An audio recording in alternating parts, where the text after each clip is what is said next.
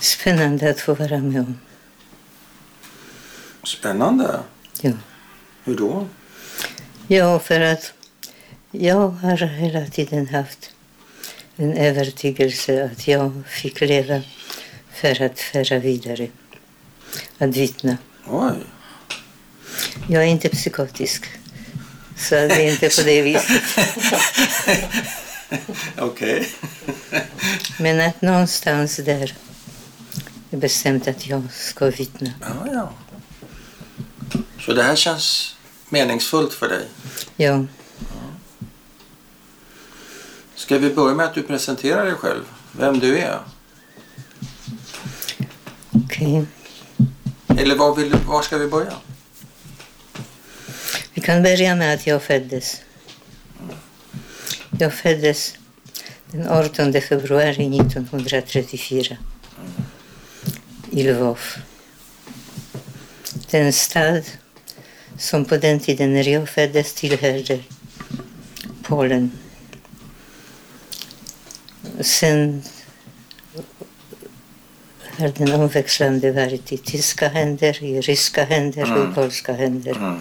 Lemberg, Lvov, Lviv. Ja. Min mamma var en fattig sömmerska som kom från Karpaterna, Mm. från en gudsförgäten ort, Kropiwnik Stary. Mm. Vi var åtta barn. Två dog. Så till vuxen ålder, inte till vuxen ålder, tills Hitler kom, eh, överlevde sex barn. Mm. Sen försvann alla utom... Vi är faktiskt fyra kvar. Mhm. Fyra kvar. Nej, min mamma finns inte. Hennes syster, moster Janka, finns inte heller. Mm. Så det är bara... Och sen är morbror Leon näst yngst. Nej, han var yngst. Så det... Eller de som lever nu, det är bara jag. Men kriget överlevde. Jag med min mamma, min mammas syster med sina två döttrar och morbror Leon.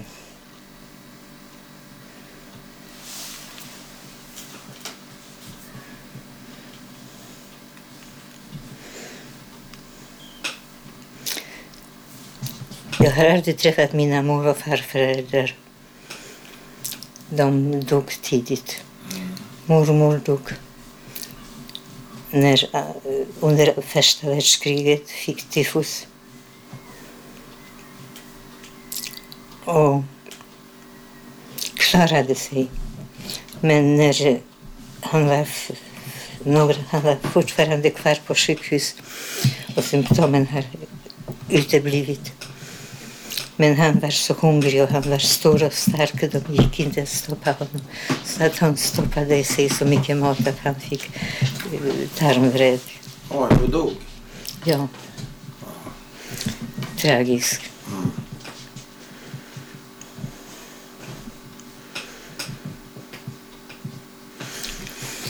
Sen de yngsta barnen, mina kusiner, blir det.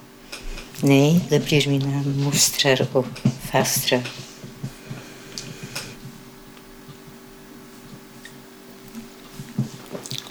Jag vet inte vad jag ville säga, var jag var på väg. Har du någon uppfattning? Var jag var på väg? Ja, du var på väg till, din, till dina mostrar. Okej. Då är det den närmaste. Min mamma var en syster som hette Sala.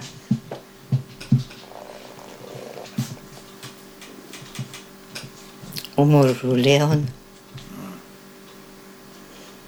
Han var yngst, han var född 14. Sara var född 10. Sen kom min, Maja, min mamma, född 8. Och sen kom moster Jetka. Och, det var två till. Men nu tappar jag tanken. För jag visste vad jag ville säga. Du pratar om att du inte har träffat dina mor och farföräldrar. precis. Att jag har inte träffat några gamla människor Nej. överhuvudtaget. Nej, För att de var döda de allihop. var döda. allihop. Ja. Så att när jag kom till Neubergska, när jag flyttade hit ja. och upptäckte vad jag har packat ner. Jag har packat mera som om jag skulle gifta mig någonstans, inte som jag skulle vänta på graven. Men det fanns ingen som kunde undervisa oss. För att om allting lär vi oss. Vi vet hur man bär sig åt när man gifter sig, när man får barn. När man. Men inte när man blir gammal. Och här finns en flicka som bor här. Flicka och flicka, flicka 86 år. Men hon brukar säga att Gud har misslyckats med ålderdomen. Håller du med? Nej, det, det gör jag inte. Det stämmer det hon säger på det sättet att vi inte... Vi kan inte utföra mycket.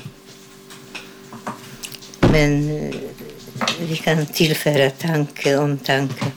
Mm. Och de behöver inte gå med samma tomhetskänsla som jag gick. Att inte känna sina... Hur mormor, vad, är- vad betyder mormor, vad betyder farmor? Men familjebildning. Vanliga barn har mamma, pappa, barn. Och jag hade mamma, mammas syster, morbror. Det var min familj. Och pappa? Jag har inte, jag, jag, jag har haft pappa. Men jag har aldrig träffat honom. Han var rysk kommunist som skickades från ryska kommunistpartiet till polska för att lära dem hur man arbetar. Och eh, min mamma var kommunikation mellan ryssarna och polska. Var hon kommunist, din mamma? Ja, Mm. övertygat. Övertygad. Ja. Jag vet att jag har en dag... Vi hade målare hemma. Och det har försvunnit någonting eller förlagts. Mhm. Och då sa jag, vi, vi har målare hemma. Mm. Målare, det är arbetarklass. Arbetarklass själv inte. Det sa mamma. Ja. Hon litade på dem. ja. Tror du hon hade rätt? Nej, jag är inte så naiv. Nej, du är inte så naiv som din mamma var. I, samma, I alla klasser finns sådana som själv. Ja, såklart. Men okej, det är din familjebildning så att säga. Ja. Och pappa, kom han någonsin tillbaka eller vad hände? Vet du vad som hände med Jo, pappa? det var så här att han, han var hela tiden på falska papper. Mm. Jämt alltså. Och 33 någon gång i början återkallades han till Moskva Ja, och sen hamnade på Butyrki fängelse och sen blev torterad till döds. han blev mördad av Stalin.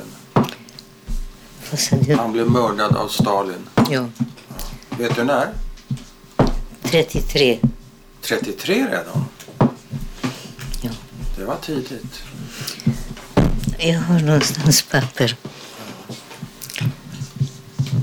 Där de, sån där liten bit papper.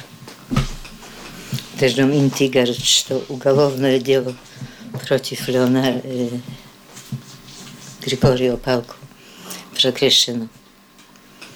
De har lagt ner eh, rättegången eller undersökningen av pappas, om han var Vraknaroda, Folkets fiende. I vilket fall som helst, Men när är du född?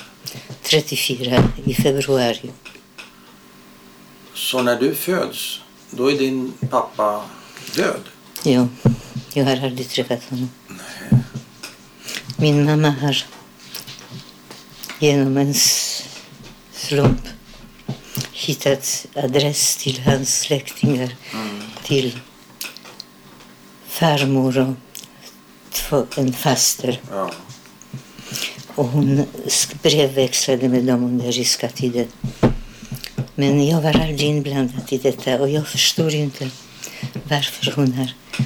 Hon har inte delat för mig någonting men detta har hon aldrig förklarat varför hon brevväxlade och vad. Jag vet att hon har ordnat att han, hans son fick högre pension. Din, Hans son som din bror alltså? min halvbror. Ja, han hade flera familjer. Han hade en syster till. Men hon, hon bodde i Leningrad och hon visste inte heller någonting. Men var, var din, är det en äldre halvbror alltså? Med andra ord. Han hade en bror i Ryssland innan han kom till Polen. Ja. Pappa var gift där. Han var gift där. Var, var, men han var aldrig gift med, med din mamma? Aldrig. Jag är ytterbarn. Utomäktenskapligt.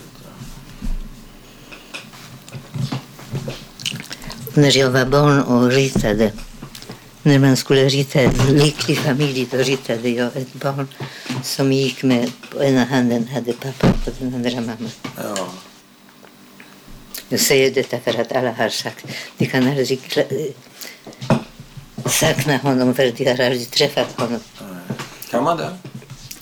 Men jag har inte träffat honom. Men kan man sakna honom? Ja, jag saknade en gestalt, inte en människa.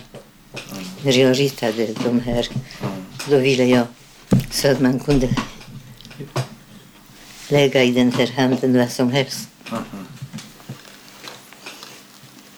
När jag såg, var på besök hos någon såg en lycklig familj Ja. eller på, på bio, Ja.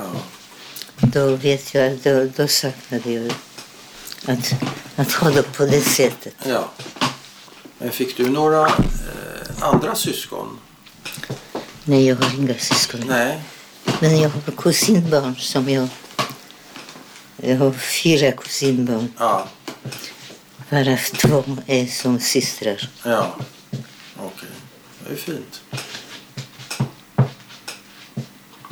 Så vad, händer, vad händer sen då? Om vi går tillbaka till din berättelse i Lvov. Vad händer?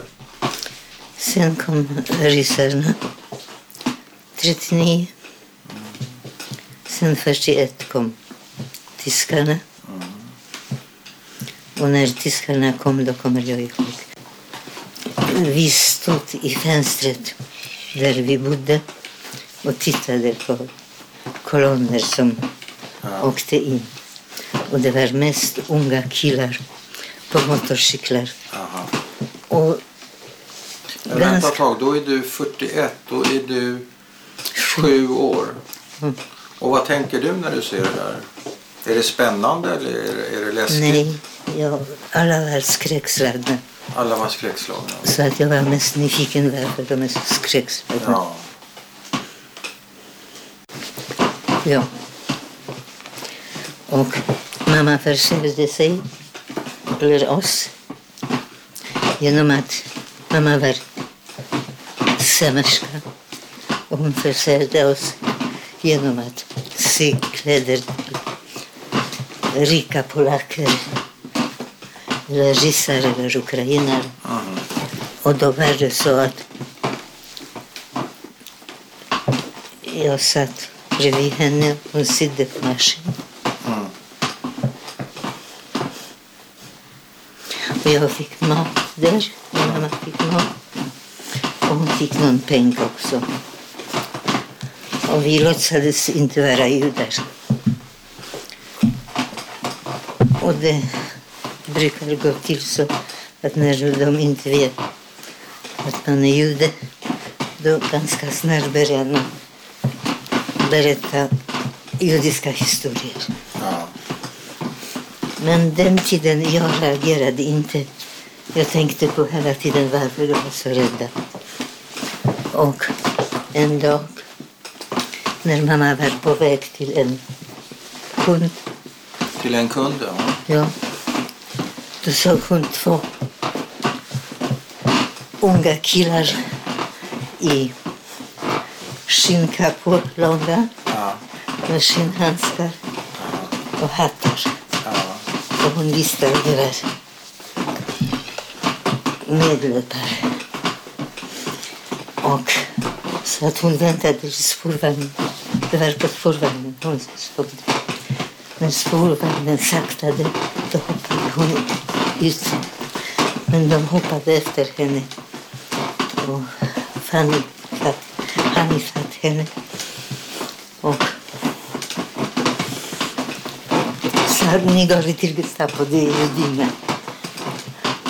Och mamma sa, jag är inte, vi är inte judar. Frågade de mig och jag sa också, vi är inte judar. Hon hotade. Men sen sa hon, vi åker hem till dig. Då får vi se hur mycket pengar vi har. Och vi åkte hem. Men var det här polacker eller vad var de? Det var ukrainare. Det var ukrainare. Ja. Och vi åkte hem.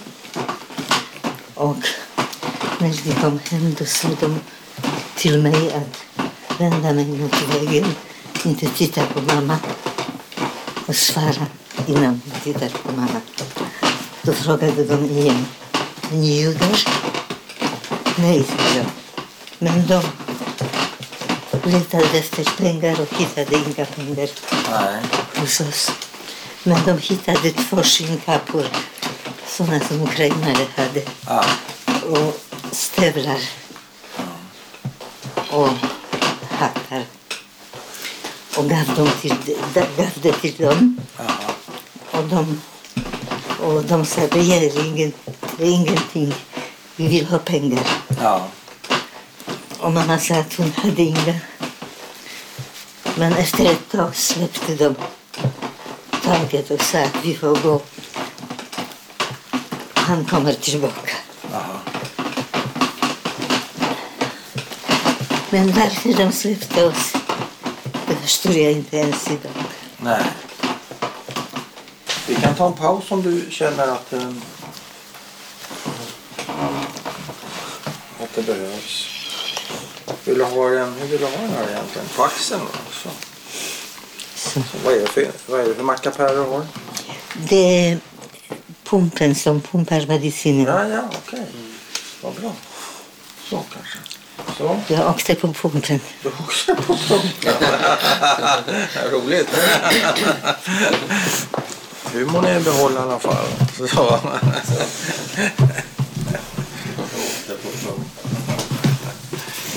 Vi bodde i ett privat hus som tillhörde min mammas väninna som var gift med en kommunist. Så det var ett säkert ställe på, på ett sätt. ja. Att ägaren inte anger det. Nej. Och mamma och Halina som ägde huset bestämde att de till mamma och jag åker till Przemyśl. Det är en liten stad i södra Polen. En liten stad i Södra Polen, Przemyśl. ja, södra Polen, okej. Och där bodde vi i ett år. Mamma och du. Ja.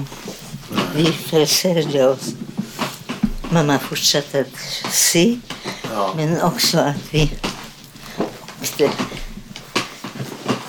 tåg till Przemyśl, till Sandomierz Mm. och köpte där vetemjöl. Åkte tillbaka till Lwów och Przemyśl sålde det Mm. med förtjänst. Och jag vet att jag tyckte väldigt mycket om det, men jag var rädd. Och ibland var det Puapanki, det betyder att de haffade vissa människor och legitimerade och tittade i deras bagage. Men de har aldrig rärt oss. Hade ni falska papper? Ja, vi hade falska papper för att en av mammas väninnor hade en släkting som var präst och han har förfalskat. Han har gett ut ett falskt intyg, födelseintyg på mig. Mm. Och han tog inga pengar för det för att han visste att vi hade pengar. Efter ungefär ett år kom det en affisch att alla ska ställa sig på polisen, polishuset för att man ska få nya pass. Och jag såg att mamma blev väldigt bekymrad Mm. och tänkte väldigt mycket. Mamma bestämde att vi åker tillbaka till Lvov. Till Lvov? okej. Ja, vi åkte tillbaka till Lvov och bodde först hos moster Janka, mammas syster. Vet att jag var hela tiden rädd. Jag var rädd att avslöja oss, att säga något dumt som de kommer att förstå Mm. att jag är judinna. Mm. När vi åkte spårvagn då gjorde jag stor korstecken. På spårvagnen? Ja, för att vi åkte förbi kyrkan, någon kyrka. Ja. Då gjorde du korstecknet. Ja. Och mamma sydde till en tyska vars man jobbade inom restaurangbranschen. Ja. Han blev utnämnd till chef för ett stort kasino, kafeteria, hotell. En kedja Ja. i Lublin. Ja. Så att mamma föreslog att vi skulle följa med henne. Mamma och jag. ja. Och mamma skulle sy kläder, arbetskläder till personalen. Och dessutom privat de rika judarna. Mamma räknade ut att det var det bästa som kunde ha hänt oss. För att vi kommer att bo i Leonets gap utan att de vet om detta. Så vi flyttade till Lublin. Och det hände inte så mycket. Men det var hela tiden en rädsla att någon, någonting kan hända. Jag vågade inte somna förrän fram på små timmarna. För att då vis, de kom på natten. Ja. Eller tid, sent på natten eller tidigt på morgonen. Ja. Så att jag somnade först när jag kände mig trygg att ingen kan komma och hämta oss. Oj. Jag gick inte i skolan de första åren. Mamma undervisade mig lite grann. För att hon var rädd att andra barn kan gissa sig till något. Okej. Och jag fick inte ta hem kamrater av den Nej. anledningen. Så det hände inget spektakulärt Nej. i våra liv. Nej. Och när det kom den dagen då vi skulle flytta och då lyssnade de på radio och meddelade var ryska armén befinner sig. Vid vis. Och jag var väldigt rädd när hon pratade om detta för att då blev mamma gråtmild och började ropa efter sin lillebror. Eller om hon drack lite vodka då började hon längta efter lillebror Ja. och började prata jiddisch. Ja. Mamma. Ja. Hon drack lite vodka och började längta efter lillebror och prata jiddisch. Och det var farligt.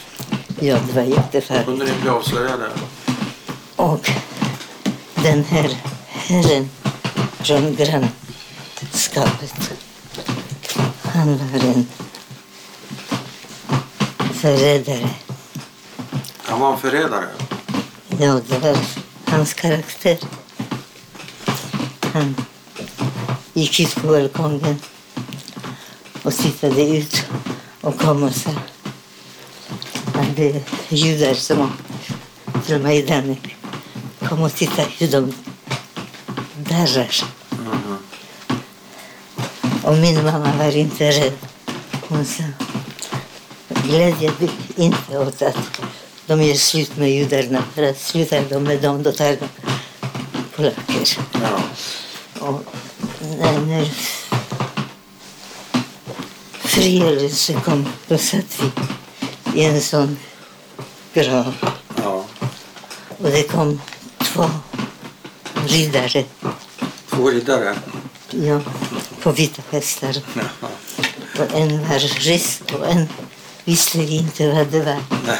För att han var så konstig. Och det var en jude. Det var en jude. Ja, i ryska armén. Ja. En rysk jude. Och då var ni fria. Då var vi fria. Hur gammal är du då? Det är 45. Ja, hur gammal är du? Då är du 12. Då är jag fyra. Nej, elva. Ja, du ska fylla 12. Ja, Och kommer du ihåg känslan? När de här ja den går inte att glömma. Det var en obeskrivlig känsla. Det var en obeskrivlig känsla. Ja, det, vi, Kan, vi, kan, du, gick, be- kan du beskriva den obeskrivliga känslan? vi gick inte, vi dansade. Ja, ni gick inte, ni dansade. Vi pratade inte, vi sjöng. Men Ni pratade inte, ni sjöng. Du och mamma? Det var så. Och det var några kvinnor till som Mm. var med i Hur Och jag sa till moster Janka, ni kan ju väl berätta för de här att vi är judar. Ja, Moster Jankas farvar tittade sig runt. inte. Tyst. Nej, det är farligt att vara jude. Det är farligt att vara jude. Du ställde samma fråga som du, varför? Ja. Och vad svarade han då? Det är farligt att vara jude. Ja, det säger inget. Okej. Och jag var väldigt besviken för under hela kriget, varje dag vid varje situation, sa moster Janka. Nadja, kom ihåg, kom ihåg. Vi gamla kanske överlever inte. De små är för små, kommer inte ihåg någonting. Men du är stor nog för att komma ihåg. Kom ihåg så att vi kan berätta. Så sa hon varje dag och varje tillfälle då det hände någonting. Som, som moster Hanka det till dig? Moster Janka, Janka, du. eller Sala. Salla. Så det, var, det blir din uppgift att berätta? Ja. Så att aldrig någon behövde berätta hela historien till mig. Jag åkte med mat till getto, familj, vänner. Ja. Vi hade inga släktingar i gettot. Vi hade vänner. ja. Och då packade mamma full kasse och skickade iväg mig. Mm. Det var på den tiden då getto i Lvov var fortfarande öppen. Jaha. Det här är före freden alltså? Det är under kriget vi pratar Det är under kriget. Hur många i din familj dödades i förintelsen? Vet du det? Ja. Jag har skrivit upp det. Jag kommer inte ihåg. Nej. För att det är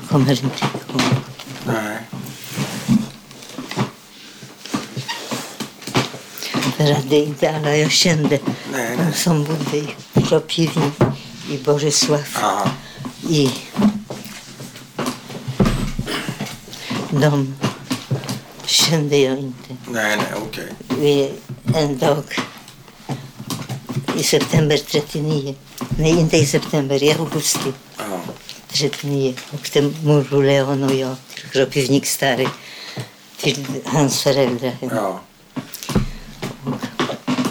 Vi åkte, bytte buss två gånger, Aha. kommer jag ihåg. Mm. För att han bar mig. Du, du har sagt att din uppgift är att berätta den här historien. Att du har känt så hela ditt liv. Ja. Hur har det påverkat dig? Att jag är väldigt mycket sysselsatt med tankarna fortfarande. Ja. Vad kunde vi göra för ja. dem? Drömmer du om det här? Jag har mardrömmar. Mardrömmar? Ja. Hur ofta då? Det är periodvis. Periodiskt.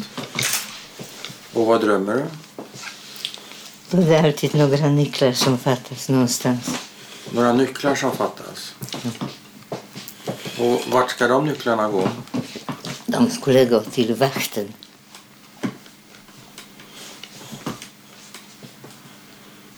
För att man ska kunna komma ut, eller vad? Fly? Ut eller in. Ut eller in? Ja, men det fattas nycklar.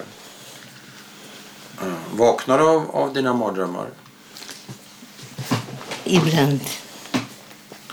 Vad skulle du säga att förintelsens läxa är?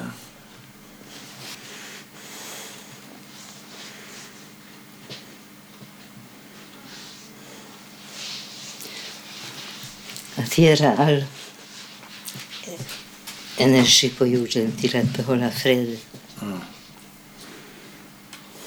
Kan du förstå vad du har varit med om när du tänker tillbaka på det? Går det att begripa? Ondskan och allting. Men det förstår man inte. Det förstår man inte.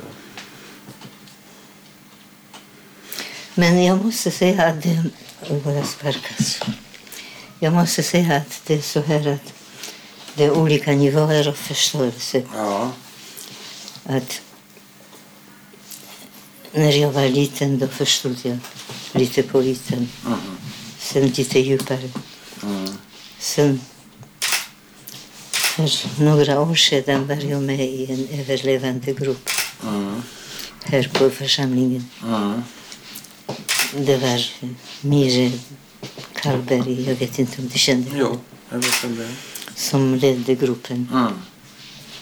Och jag tyckte att jag har fått inom gruppen ett steg närmare förståelsen. Men du tycker att du kan förstå det här lite bättre. Men det är egentligen först på gamla dagar som du har fått en ökad förståelse genom den här gruppen. Relativt sent i ditt liv. Nej, det, det som den gav, det är bilder. Ja. Jag hade inte, jag vet inte om jag hade inte vågat eller om jag hade inte kommit på idén att tänka på det sättet. Nej, i bilder. Ja. Och tänka sig en mamma med tio månaders baby i famnen som försöker få barnet att svälja giftet så fort som möjligt. Det Det är en svår bild. är för att hon är god mor. För att hon är... God mor.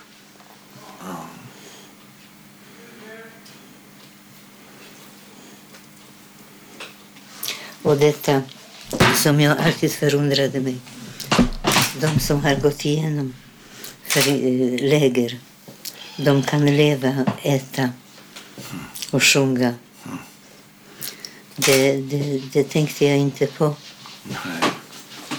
först när vi satt i den här gruppen och Ja. började sjunga. Då förstod jag vad det betyder. Ja. Men är, är det någon skillnad på det du har varit med om, ditt lidande och vad någon som har suttit i läger har varit med om, det lidandet? Kan man gradera lidande? Jag tycker inte det. Jag blir alltid förargad. För att här i huset pågår en... Vad heter det? Att man utmanar varandra. Oj, Det hur då? Tävlar man? Tävlan. Oj. Tävlan. Vem hade lidande? värst? Vem hade värst? Så det gällde att vara i Auschwitz. För att få första kategori. Det är finast. Ja. Men så är, du tycker inte man kan resonera så? Nej. Nej. För att varje lidande specifikt för mig eller för Ja. dig. Sant.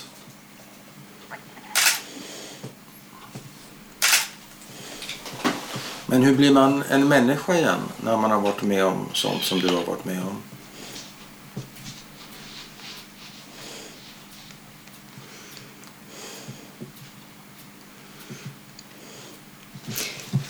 Det var på Miriams tid var en av medlemmarna en väldigt ung människa som frågade henne hur kan man bli så... Det var då har israelerna mördat några. Mm. Och då säger hon hur kan man vara så grym när man har gått så mycket? Ja, just det. Då svarade vi, Miriam. Ingrid Ja. Miriam att Auschwitz det var ingen pensionat för snälla flickor. Jag har inget pensionat för snälla flickor. Nej.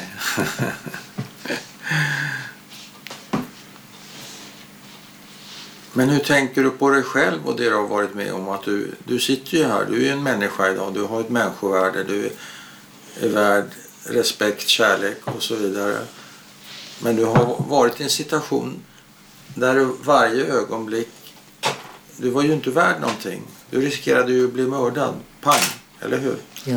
Ja, du var tvungen att göra korstecken bara för att du åkte förbi en kyrka. Det är ju helt absurt. Ni var tvungna att byta namn, ni var tvungna att... eh, När mamma började prata jiddisch så var det, var det dödsfara. Men hur, hur, kommer man, hur har du kommit över det och blivit en människa igen? Jag vet inte om jag har kommit över så mycket.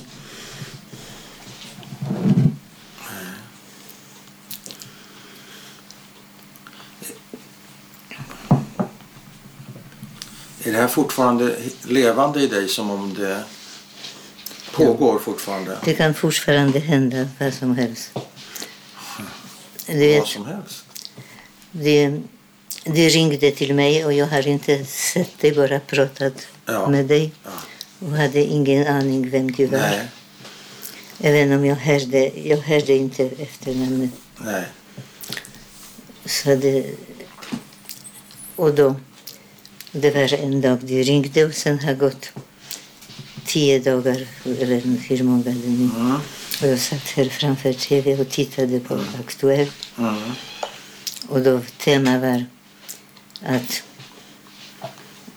um, all hot mot journalister. ja. Och, och då började jag bli rädd. Jag inte visste vem du var. Nej. Och hur ska jag kunna rädda mig Ja. om du är terrorist? ja. Så att Så jag... det väckte rädsla hos dig? ja. Jag får be om ursäkt. Nej, men det är inte normalt. Men det är varje situation när jag var på skolutflykter eller på, på, på resor. Ja. Jag var på en vinterresa till Norge och vi åkte skidor, väninna och jag. Mm. Och vi började prata om någonting och hamnar på förintelse. Mm. Och hon var inte judinna så att hon, hon förstod inte hur jag, hur gick tankeassociationen.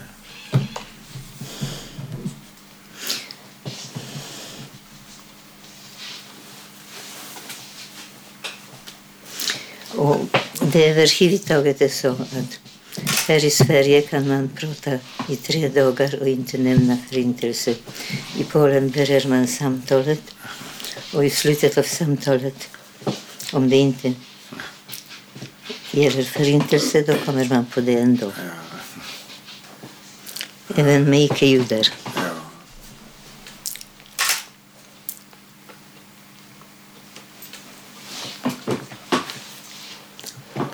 Är det någonting du vill eh, lägga till?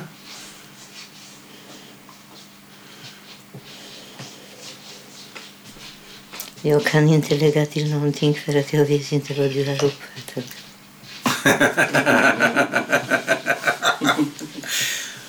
Ja, I värsta fall får du börja om från början. det är också sant. Men du har ju också, du pratar ju inte bara till Kato och mig. Du pratar ju till en publik som kommer att lyssna på det här. Så du kan ju tänka att du vill lägga till någonting till dem. De kanske fattar mer än, än vad jag gör.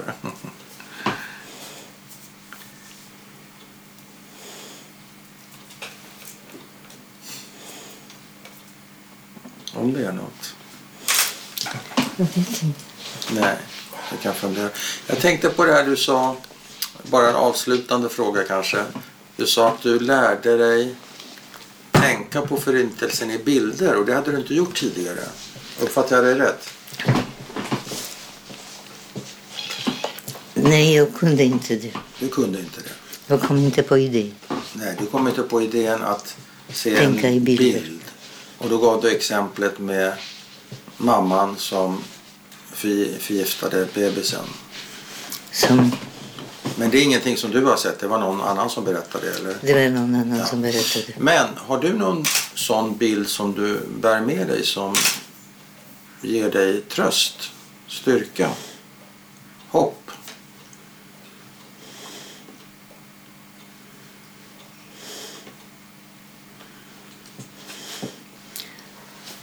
Ja, det är en av bilderna som jag... Som Mm. Det är när vi bodde i Lvov och. Mm. Jag bodde hos moster Janka med mamma. Mm. Och tyskarna kom. Vi bodde i häckhus Mm. som de ordinerade att vi skulle lämna inom en timme.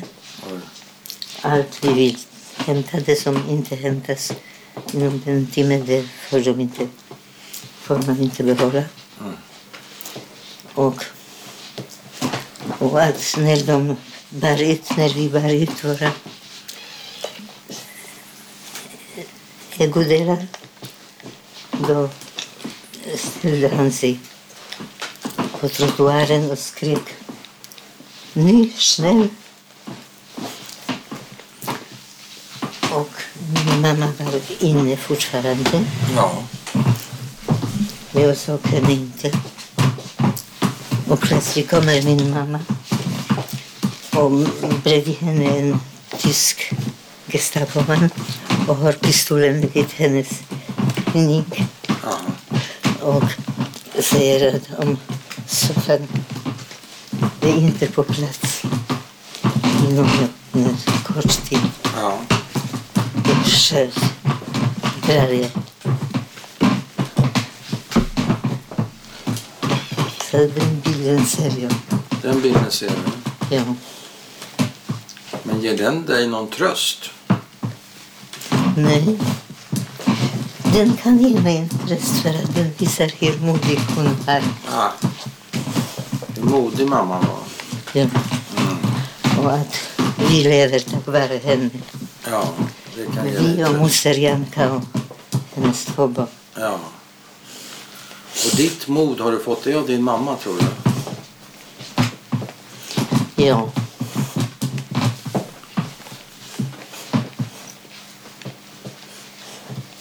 Så det lever vidare i dig kan man säga.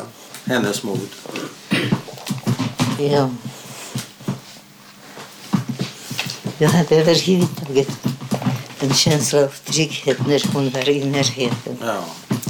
Och känslan att det kan hända vad som helst när hon inte var med. Oj. Okej, så det var svart eller vitt. Ja. Men tänker du på din mamma ofta? ja. Det gör jag nog. Jag har hallucinationer. På natten? På dagen. Där du ser Klockan fyra kommer mamma och sätter sig. Den fåtöljen står där borta, Ja. där skåpet står. ja. Och där sitter hon. Varje dag? Nej, men ofta. Ofta? Och pratar ni om någonting speciellt? Men hon pratar inte, hon bara sitter och ser trevlig. Jag ser trevlig ut. Och du, pratar du med henne? Ibland försöker jag få henne att svara. Men Men, blir, du, blir du rädd av de här hallucinationerna? Nej, Inte alls? nej. Så ni umgås? Ja. Inte när det är bekanta människor. Nej, hon är inte här nu. Fast klockan är inte fyra å andra sidan. Men Hur gammal är hon när hon kommer hit? Hon kommer rätt, men hon som på det kortet. Ja, som på det kortet ja. Är det mamma? Ja, Ser ut som Astrid Lindgren. hon ser. Vilken då?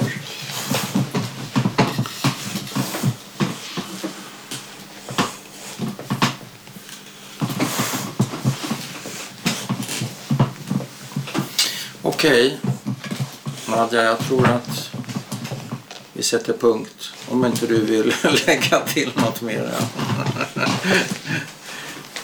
Så jag är nöjd. Är du nöjd? Ja,